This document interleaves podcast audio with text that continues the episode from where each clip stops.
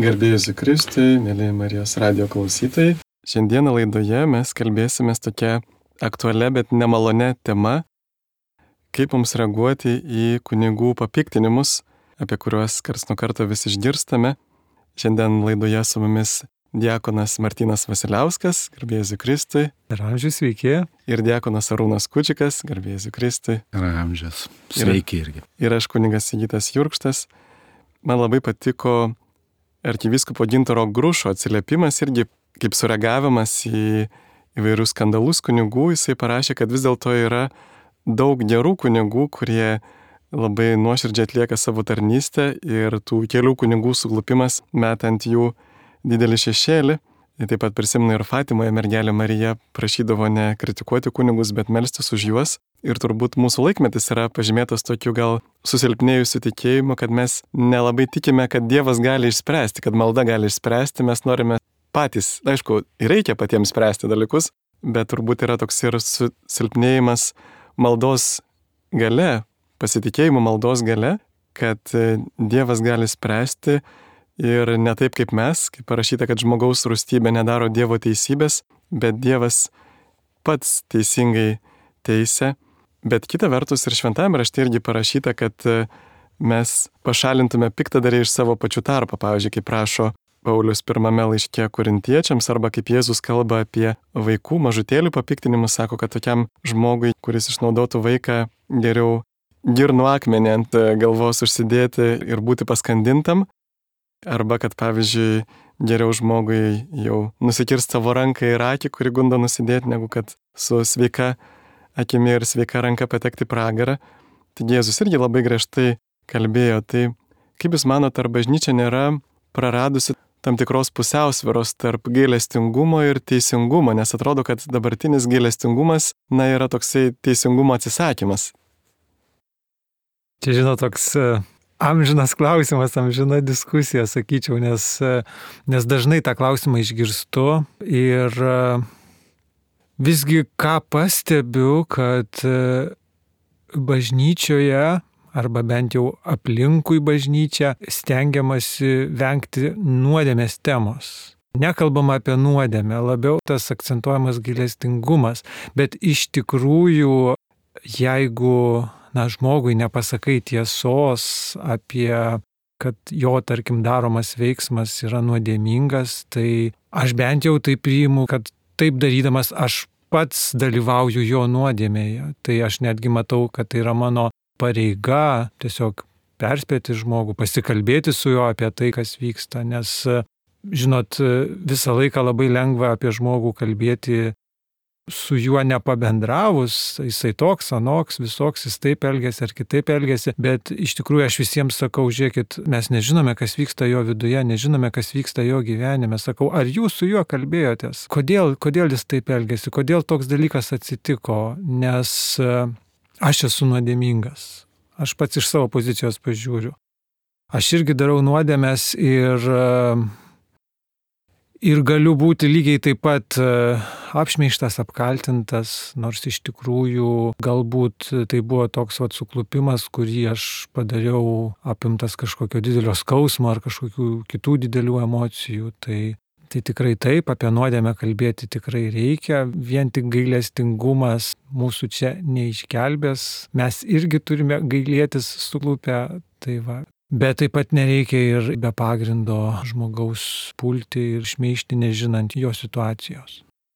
Aš Martynai tau pritarčiau, man čia žodis irgi būtų toks, kaip sakyto, įtampoje tarp gailestingumo ir teisingumo. Žodis kalbėtis arba priartėti. Aš esu gailestingumo pusė iš tikrųjų, taip nuoširdžiai sakyčiau, bet jis neturėtų būti gailestingumas, abejingumas.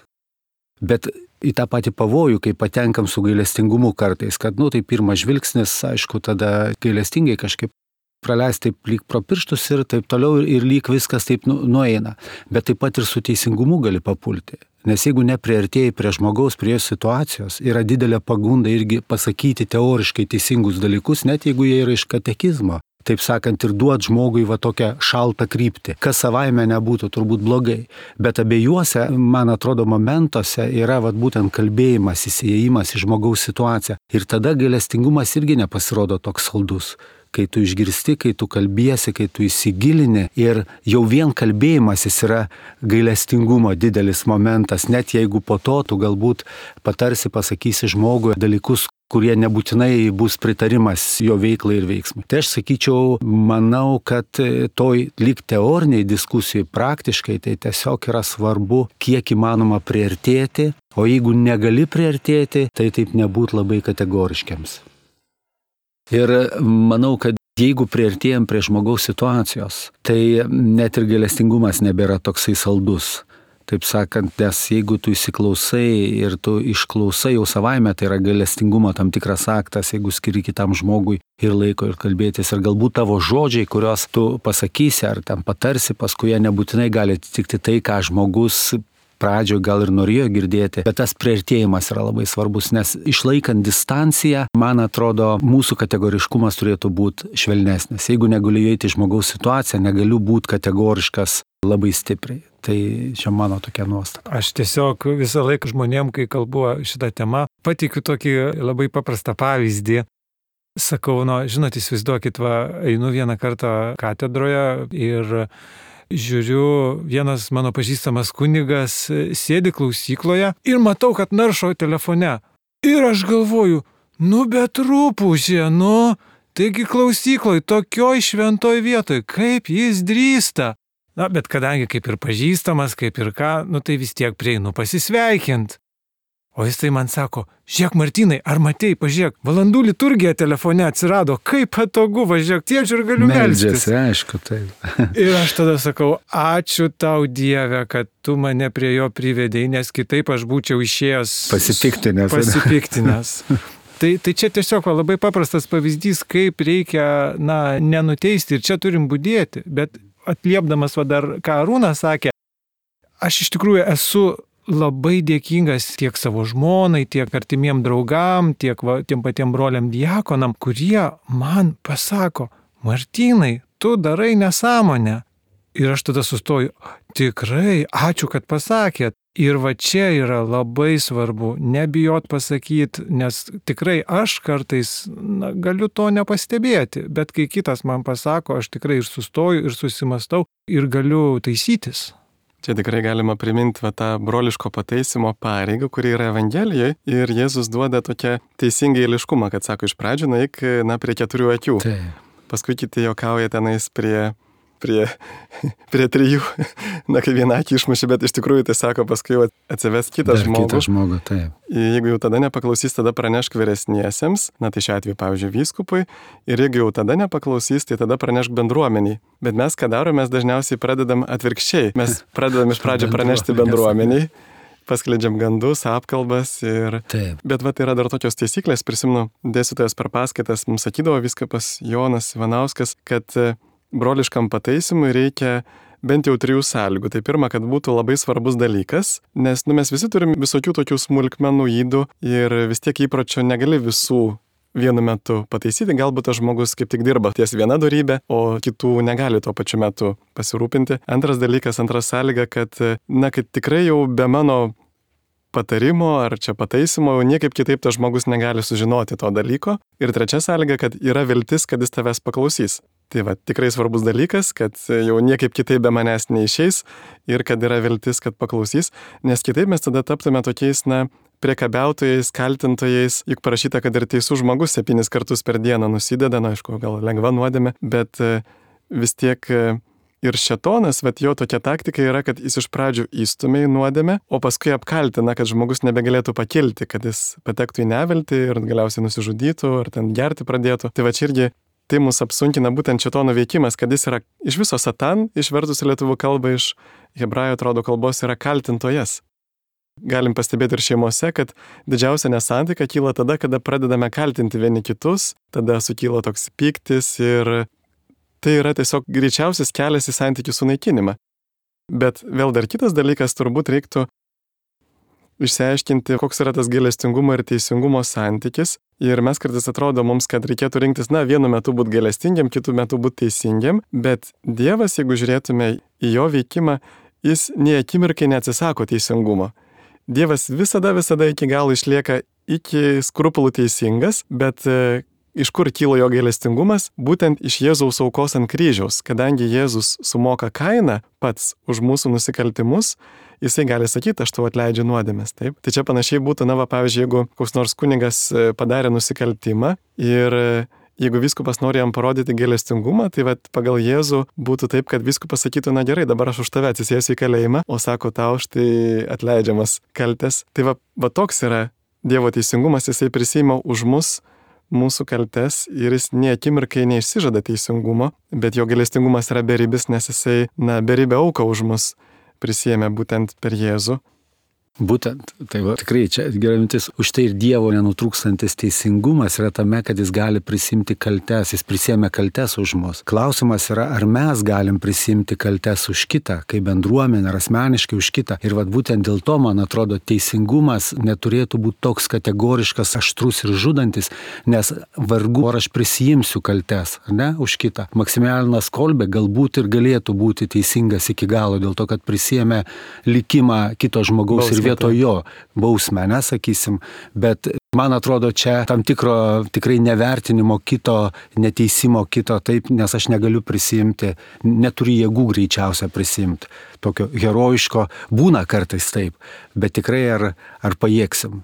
O dažniausiai apkaltinti kitą yra paprasčiau, tikrai. Ir išlikti pačiam teisingam, atrodo taip ir teisiam. Taip, bet šitoje vietoje aš irgi mastau truputėlį ir iš tos pasaulio pozicijos, nes jeigu mes e, turime, na kaip tu sakai, tai va, sakai, nusikaltimą, Taip, mes be abejo galime būti gailestingi ir e, vis tiek bažnyčios yra ta užduotis vesti žmogų prie Dievo, vesti į susitaikymą, vesti į atgailą, be abejo. Tačiau, na, yra dalykų, kur e, jeigu tai yra tikrai na, nusikaltimas, na, nes, ar seksualinio pobūdžio, ar nesvarbu kažkoks išnaudojimas, ar kitas dalykas, kuris yra pagal baudžiamąją teisę baudžiamas, tai vis tiek tas dalykas, tas procesas turi įvykti. Ir kaip man atrodo, kas iš tikrųjų piktina, piktina žmonės, kurie galbūt tiesiog yra paprasti pasauliečiai, nėra bažnyčios žmonės, jiems e, atrodo, kad tuomet bažnyčia tuos nusikaltimus dangsto. Nors iš tikrųjų dažnu atveju, kas yra bandoma daryti, tai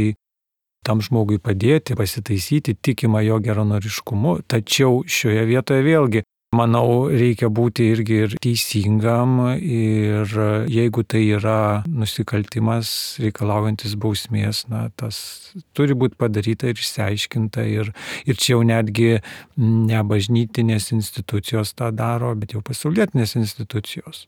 Nesvarbu, dažnai tenka girdėti, kad ir viskupai kartais sulaukia kažkokių tai gandų, bet juk jie negali už gandus kažko tai pavyzdžiui, bažnytinėme teisme nuteisti arba kažkaip tai pašalinti iš kunigų luomą ir panašiai. Ir būtent viskupai jie neturi nei seklių biuro, nei gali klausytis telefoninių pokalbių, nei gali padaryti kratas kunigų namuose. Iš tikrųjų, tai gali tik tai teisės sauga padaryti arba, pavyzdžiui, žiniasklaida atlieka tyrimus ir kol nėra įrodymų, tol viskupas negali priimti jokio rimto sprendimo kunigo atžvilgiu. Bet turbūt čia yra vėl problema, kad kaip čia yra, kad va, visi nekartą taip tenka girdėti, kad visa parapija jau žino, kad yra kažkokia problema, o viskupas nežino, nes niekas nesikreipia. Tai čia va ir yra ta mūsų kaip tikinčiųjų atsakomybė, ar ne? Jeigu aš, jeigu aš matau nuodėmę, kad aš netylėčiau apie tą nuodėmę ir be abejo tas pirmas žingsnis taip yra prie keturių akių apie tai kalbėtis ir atitinkamai eiti aukščiau, bet tiesiog, na, nežinau, paprastas pavyzdys, vienas iš paskutinių čia atvejų Vilkaviškio viskupijoje, kai buvo sužinota, kad kunigas turi vaiką, turėjo santykius su nepilnamete mergina ir Apie tai vyskupas sužinojo iš asmens skambučio. Tiesiog žmogus, kuris prisistatė, kuris vyskupui yra žinomas, jam informavo, jam pranešė apie tai ir Tuomet, ką vyskupas padarė, jisai pasikvietė tą kunigą, apie tai pasikalbėjo, na ir kunigas tiesiog tą situaciją pripažino. Tai tiesiog iliustracija, kad net ir vieno žmogaus toksai skambutis, jisai gali situaciją pakeisti. Tačiau Be abejo, visada reikia įvertinti, kad yra visokių ir piktų žmonių, yra žmonių, kurie ir turi galbūt kažkokių emocinių sutrikimų ir skatinami tų dalykų, jie gali siekti išmeišti. Ar... O kaip tokiais atvejais atskirti? Vak Martinai kalbėjot, kad jūs mhm. su skundais turėjot e, dirbti darbo taip, patirties. Taip, aš turiu, turiu, taip aš, aš turiu tos, tos patirties darbo su skundais ir tas yra pakankamai akivaizdu, tu jau skaitydamas tą gautą raštą ar laišką, tu jau matai tai iš teksto, kiek tai yra, na, sakykime, adekvatu, kiek tai yra realu, kaip žmogus dėsto mintis galų gale, jeigu iš to dar nėra taip aišku, tai tuomet visada verta su tuo žmogum susitikti ir pasikalbėti. Ir jau pokalbio metu labai būna aišku, ar čia žmogus tikrai yra racionaliai dėsto savo mintis ir turi tikrai tų pagristų įtarimų, ar čia yra jo fantazija. Tai šitas dalykas labai padeda. Plus, aišku, visą laiką, kaip sakyt, na vėlgi teisėjai galiojo toks principas, kad Tas ir iš Biblijos ateina bent du liudytojai. Tai jeigu vienas žmogus sako, tvarkoj, bet tai turi būti dar vienas ir jau tada aš turiu pagrindą tikrai manyti, kad tai yra tiesa, kas yra pranešta. Čia matyt, aš aišku neteisininkas, tik tai taip iš to paskutinio, kiek va taip daugiau mažiau suprantu, turbūt tas tikrai galioja va, įvairiems atvejams, gali skundams, ar nebūti, ar pranešimams, turbūt tik tai yra tam tikras didesnis jautrumas, jeigu eina kalba apie įtarimą nepilnamečių išnaudojimo, ne? tada turbūt vis tiek va čia ir yra tas, žinoma, dabar yra priimtos jau ir, ir valstybės ar ne tvarkos, nes ir pati bažnyčia sugriežtinus, suaštrinus, reiškia, žvilgsnė, ne tokiais atvejais, bet va čia yra tokie jau jau tada sunkesni atvejai. Iš tikrųjų, ten dėl kitų dar kažkaip galima gal ir palaukti ir ieško dviejų liudytojų. Ir neretai būna dar taip, kad žmogus paliudyja žodžiu, Aš nežinau, bet suprantu iš to bendro, kiek yra pasakoja, kada reikia antrą kartą jau patikslinti, tada jau nelabai nori patikslinti, ypač paprašomas parašyti raštu ar ne, tada irgi galbūt mūsų ir kontekstas yra, iš kurio mes ateinam toks ale skundikai, esam mokyklai praėję, bent jau aš savo laiku, tai ką nors pasakyti ant kito, net jeigu ir akivaizdžiai buvo elgiamasi neteisingai, bet pasakyti viršesniam autoritetui mokytojui ar dar kažkam, nu kur bebūtum. Tai tai yra skundas, tai yra skundikas esi, neina kalba apie tai, kas teisingai ar neteisingai pasakė, bet iš esmės pats pranešimo faktas jau yra morališkai, liaudiškai žiūrint jau blogas dalykas, ne? Taip gali tapti rupsuotų, būti išskirtas. Ir čia jau reikia tam tikro heroizmo, ne? Tai čia turbūt yra racijos vatame, būtent jeigu žmogus nesilaiko to eiliškumo, kurį Jėzus sako, kad tai. nekalbi su juo asmeniškai arba ten su draugu būtent. nebandai jo, jo perkalbėti, bet iš karto bėgi pas valdžią. Būtent, būtent. Tai. tai va. Tai va, tai nežinau, tai suprantama, kad yra tikrai yra sudėtingų tokių momentų, bet ypatingai manau, kur yra dėl nepilnamečių tai, tai čia yra tas jautrumas didesnis. Ir šioje vietoje vėlgi, ką aš girdžiu va, iš žmonių, iš paprastų žmonių, na, labai tas yra akcentuojama, kad nebūtų slepiama, kad nebūtų dangstoma. Jeigu apie tuos dalykus yra žinoma, kad būtų įmamasi labai konkrečių, kas priklauso pagal teisę e, žingsnių.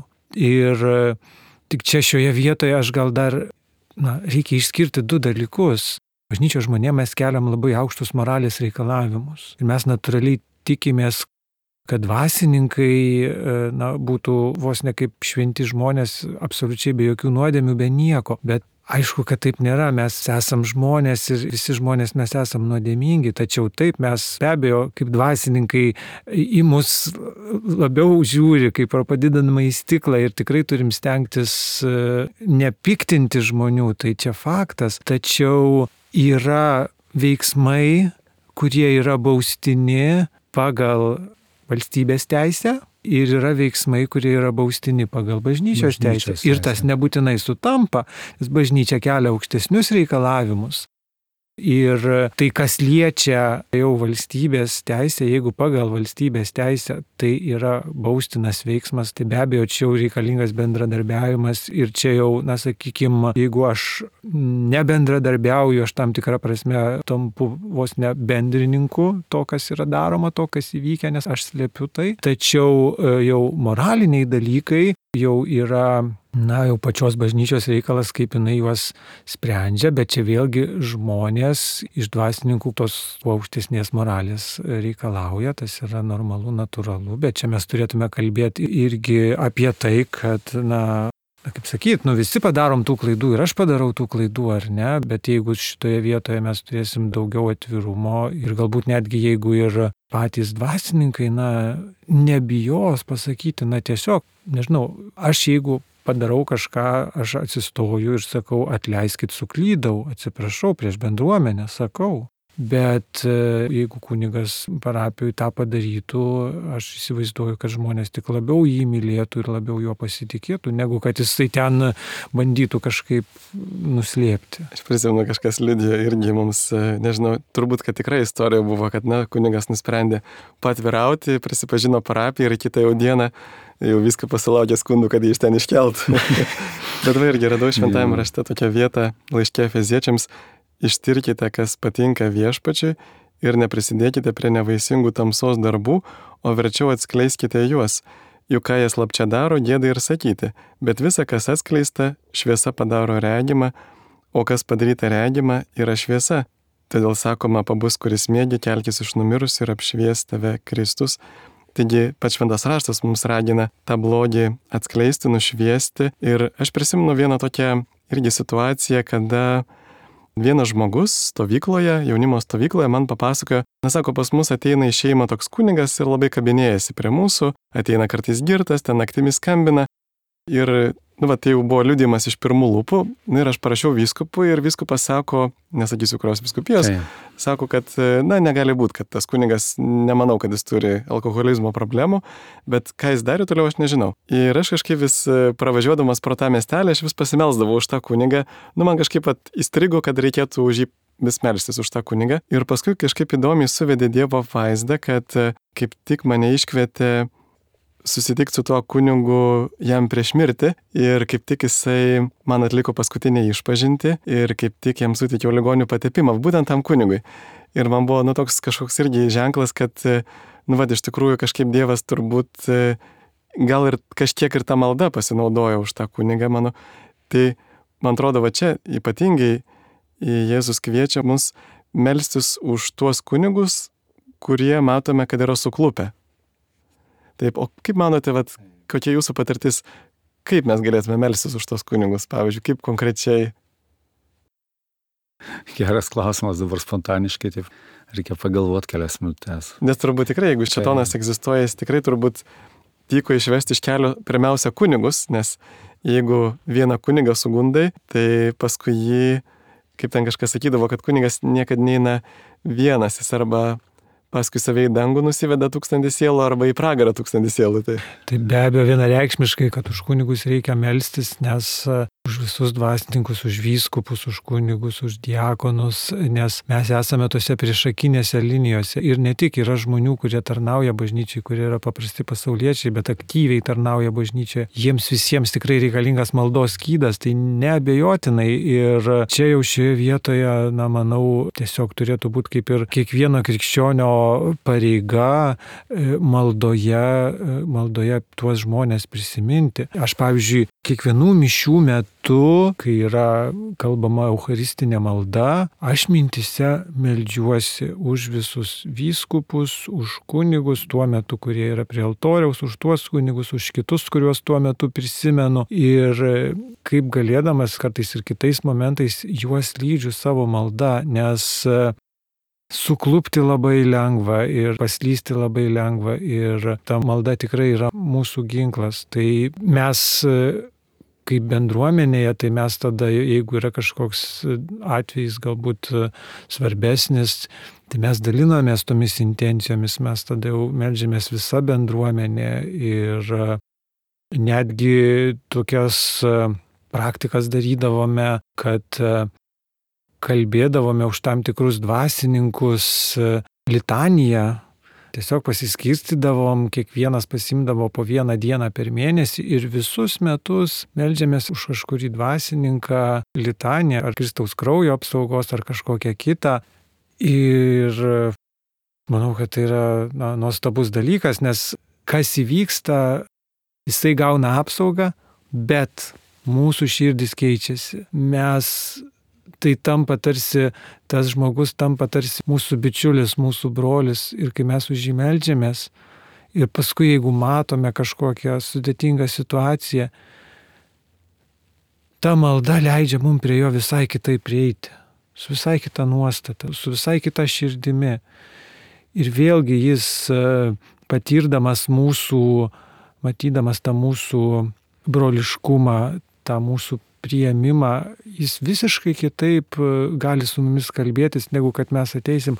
O tu, žinai, mačiau ten toks ir toks. Ne, tai mes uždarom visas duris tada, ne, bet kai tu ateini per maldą, dalykai keičiasi. Mėly Marijos radio klausytojai, jūs girdite aktualių laidą, kalbamės apie kunigų papiktinimus ir šiandien su mumis laidoje dalyvauja diakonas Martinas Vasiliauskas, diakonas Arūnas Kučikas ir aš kunigas Sigitas Jurkštas. Pritariu Martino, iš tikrųjų gražiai tu taip nusakei maldą, nes aš manau, tikrai būnant tokioj pozicijoje kaip kunigas ir kunigas bendruomeniai ar kitur, bet ypatingai bendruomeniai, parapijai, sakyčiau, tai malda yra reikalinga, nes yra tikrai labai dideli išbandymai. Ir man atrodo vienas iš tokių didesnių išbandymų, kuriuos va, taip, nu nėra taip visai lengva gal ir savo jėgom sutvarkyti, nes tu ne viską matai. Yra tai, kad vis tiek bendruomenės vedimui reikia autoriteto. Ir žmonės mūsų sutelkia savo žvilgsnį ir autoritetą į kunigą sakysim, kleboną, ne, bet kunigus taip pat ir aš tą pats dabar tarnaudamas labai gerai jaučiu. Matau, kaip žmonės žiūri, matau, kaip žmonės pasitikė, matau, kaip žmonės pritarė, jeigu norit, kaip pataikauja. Ir tas iš tikrųjų gali labai greitai kunigas praras truputį kontekstą, kuriame yra, gali reikšti savo įvairius e, charakterio bruožus, per daug nesisaugodamas, nes, nu, būti toks, koks esu, galima tai būtų, ne, pasakyti ir taip toliau. Ir tiesiog visai nesamoningai piknaudžiauti, ne, tuo sutelkti pasitikimu autoritetu. Ir tai, kad čia man kaip tik skamba Kristaus žodžiai, ar ne, kad jo savęs apribojimas kaip Dievo, ne, apipjaustimas savęs.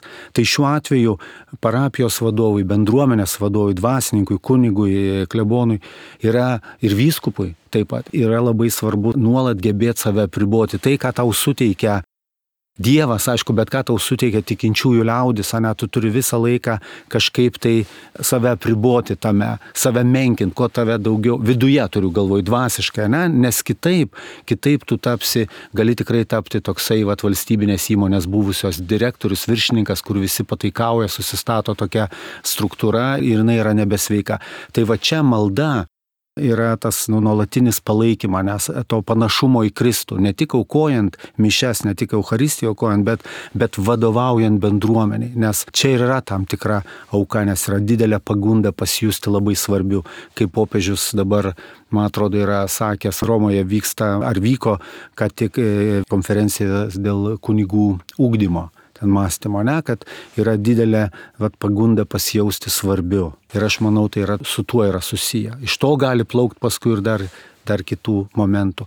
Nemanau, aš kai buvau, kaip sakyti, jaunas, kai pradėjau bažnyčiai, atėjau, man atrodė, kad viską galima daug gražiai spręsti, taip horizontaliai įeinant į tokį bendravimą, bendradarbiavimą, tarimąsi, struktūrų sukūrimą, išplėtimą. Dabar nesu toks tikras tuo manau, kad reikia šiek tiek, žinoma, reikia dalintis ir atsakomybėm, ir komandą, ir turėti komandą žmonių, kurie ir kartu su tavim dirba, ir tau pasakyti galėtų, nebijoti, kas yra ne taip, ką jie galvoja, bet manau, kad čia ypač rytų Europoje turiu tokį filvo jausmą, e, vis tiek žmonės tikintieji duos daug autoriteto dvasiniams vadovams ir kunigams. Ir čia to labai reiktų paisyti, kaip to nepiknaudžiauti. Ir žinot, čia va, šioje vietoje, man atrodo, dar yra vienas labai svarbus dalykas, tai yra kunigų vienatvė. Ir e, kaip yra svarbu, kad kunigas jis nebūtų vienišas, kad jis e, šalia savęs turėtų tuos draugus, tuos bičiulius, tuos brolius, galų galia tuos kitus kunigus, su kuriais e, galėtų būti, su kuriais galėtų dalintis, kuriais galėtų pasitikėti, nes aš manau, kad labai labai daug tų blogumų kyla iš tos nepakeliamos vienatvės. Ir man šioje vietoje tai iš tikrųjų labai, na, labai skauda širdį, labai, labai norisi, kad kuo mažiau žmonės, apskritai visi žmonės, bet ir kunigai tos vienatvės patirtų. Ir žinot, kaip pavyzdžiui, vienoj parapijoje, tokioj didesniai, kur reziduoja keli kunigai ir aš klausiu klebono, sakau, žiūrėkit, o jūs, jūs vis tiek čia esat e, keli kunigai, sakau, ar jūs susirenkat kartu bent sekmadienį bendriems pietums? Ir jisai man sako, ne, nesusirenkam. Ir aš tada galvoju, bet tai, tai kaip tada, tai, tai, tai yra labai sunku tuomet taip gyventi. Ir tada tas mano suklupimas, ta mano nuodėmė va čia pat visiškai va už nugaros stovi. Taip, ir galim dar ir prisiminti, kad e, kartu ateina toksai teisuoliškumas, irgi mes taip užsidarom, mes tada pradedam irgi pasitikėti savo teisumu ir va, niekas, kai neprisileidžiam arti kitų žmonių, jie tada nebeatskleidžia mūsų įdų, nes kitas žmogus yra tavo veidrodis, matai vis tiek, kaip jis reaguoja į tavo elgesį ir panašiai. Ir tada mes irgi galim tapti tokiais, na, tokiais fariziejais, kurie ir kitus teisia, ir kurie, na, taip iš aukšto žiūri ir kartu turbūt Neveltui Jėzus yra sakęs, vad kada buvo sugauta moteris svetimaujant, sako, kas iš jūsų benuodėmės, tegul pirmas metai į akmenį.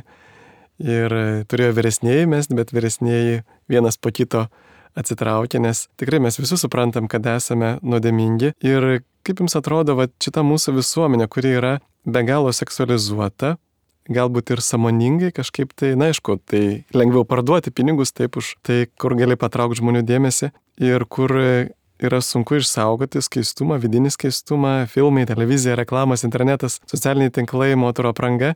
Visi tie dalykai nepadeda būti skaistiems, bet mūsų visuomenė, ji labai aršiai puola kunigus dėl neskaistumo. Ar tai yra tam tikras įniršis, kaip manot, na, prieš kunigų galbūt veidmainystė, kad jie moko vieną, o gyvena kitaip, na, kad nėra šventi, nors, va, kunigų knygoje parašyta, kad būkite šventi, kaip aš esu šventas. Ar tai galbūt pačios visuomenės veidmainystė, kad žmonės plako kunigus už tai, ką jie patys slapčia daro? Gal nesakyčiau to žodžio veidmainystė, ar ne, nes na, kiekvienas turi galbūt savo tą skirtingą matymą ir skirtingą supratimą, bet faktas, kad taip, taip yra, visuomenė tikrai seksualizuota, tikrai, na žinot, kai vienas naujienų portalas, atsimenu, reiškia atsidarau, pagrindinis sangas, niekur ten nei žemyn nereikia važiuoti, nieko, skaitau. Kardinolo homilija sekmadienio, ten pavadinimas, o šalia šuniukį 10 būdų, kaip geriausiai patirti orgasmą. Ir aš nuoširdžiai nesuprantu, kas vyksta, bet realybė tokia, realybė yra tokia. Gal dvasinė ten buvo? nu, dėja. ir, ir šioje vietoje, na, vėlgi, ką reikėtų sakyti, ir aš to nebijau sakyti, ta prasme, aš kaip vyras natūraliai reaguoju moters grožį, tai yra na, natūrali reakcija, ar ne, ta prasme, nu, man graži moteris, na, tiesiog yra kaip, nežinau, nuskaidina dieną, džiugina, nu tai Dievo yra kūrinys, pats gražiausias Dievo kūrinys, ar ne? Ir tada... Bet jeigu ji ne tavo žmona. Bet tai, nu, taip, bet, apsme, aš... Vis tiek kūrinys. Vis tiek Dievo kūrinys, vis tiek, vis tiek gražus, ar ne? Taip, šiuo atveju paskui yra klausimas, ką aš, kaip aš toliau, ar ne, ką aš darau, ar aš savo mintis ten kažkaip seksualizuoju, ar aš tiesiog sakau, aha, wow, kaip gražu, ačiū Dieve, kad tu tokias gražias moteris sukūrė ir tu ją laimink ir viskas. Šioje vietoje kažkaip irgi su tais žvilgsniais, ar ne, nes dažniausiai viskas nuo žvilgsnio prasideda. Tai irgi, kas man bent jau padeda, kad aš pabandau tiesiog, jeigu jau pagaunu save, kad aš jau čia pradedu kažką įsivaizduoti daugiau, kad palauk. O jeigu va čia įsivaizduok, čia yra kažkieno dukra.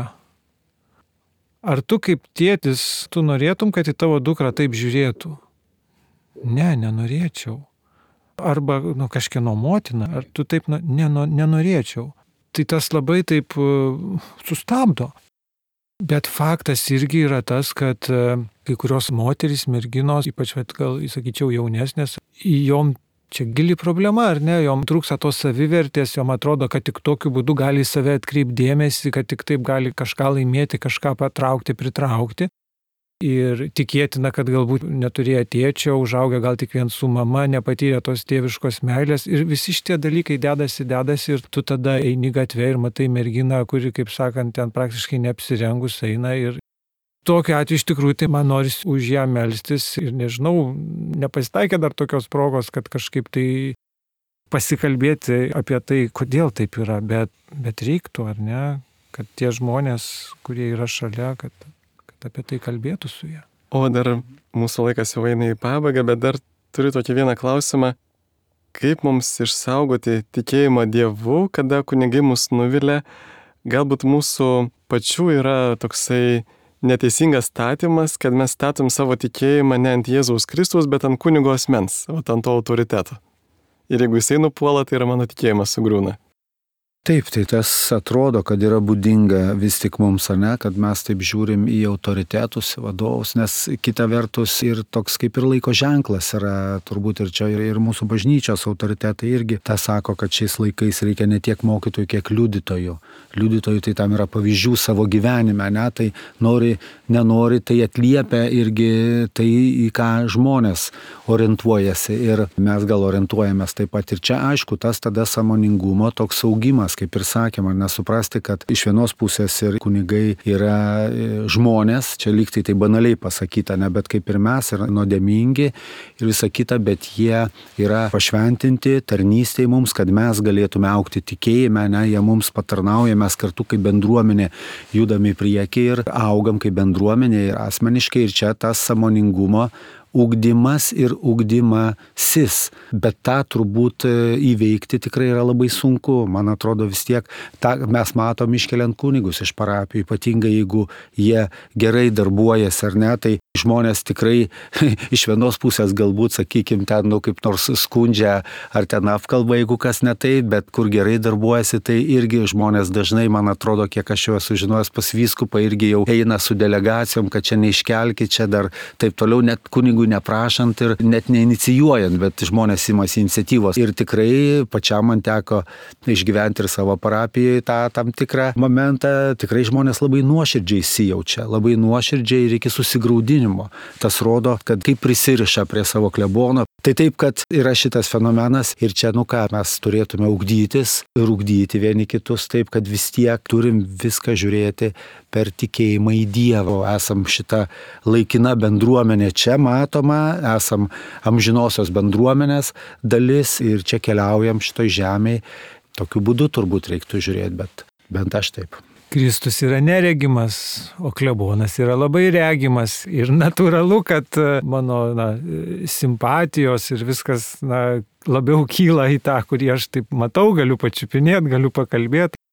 Bet tikrai e, čia yra, na, kiekvieno žmogaus asmeninio ryšio, to ryšio gylio su Dievu klausimas, kuo mes tą ryšį turėsim gilesnį e, ir turėsim tikrai asmenišką santykį su Jėzumi, tai mes visiškai kitaip reaguosime į žmogiškus suklupimus.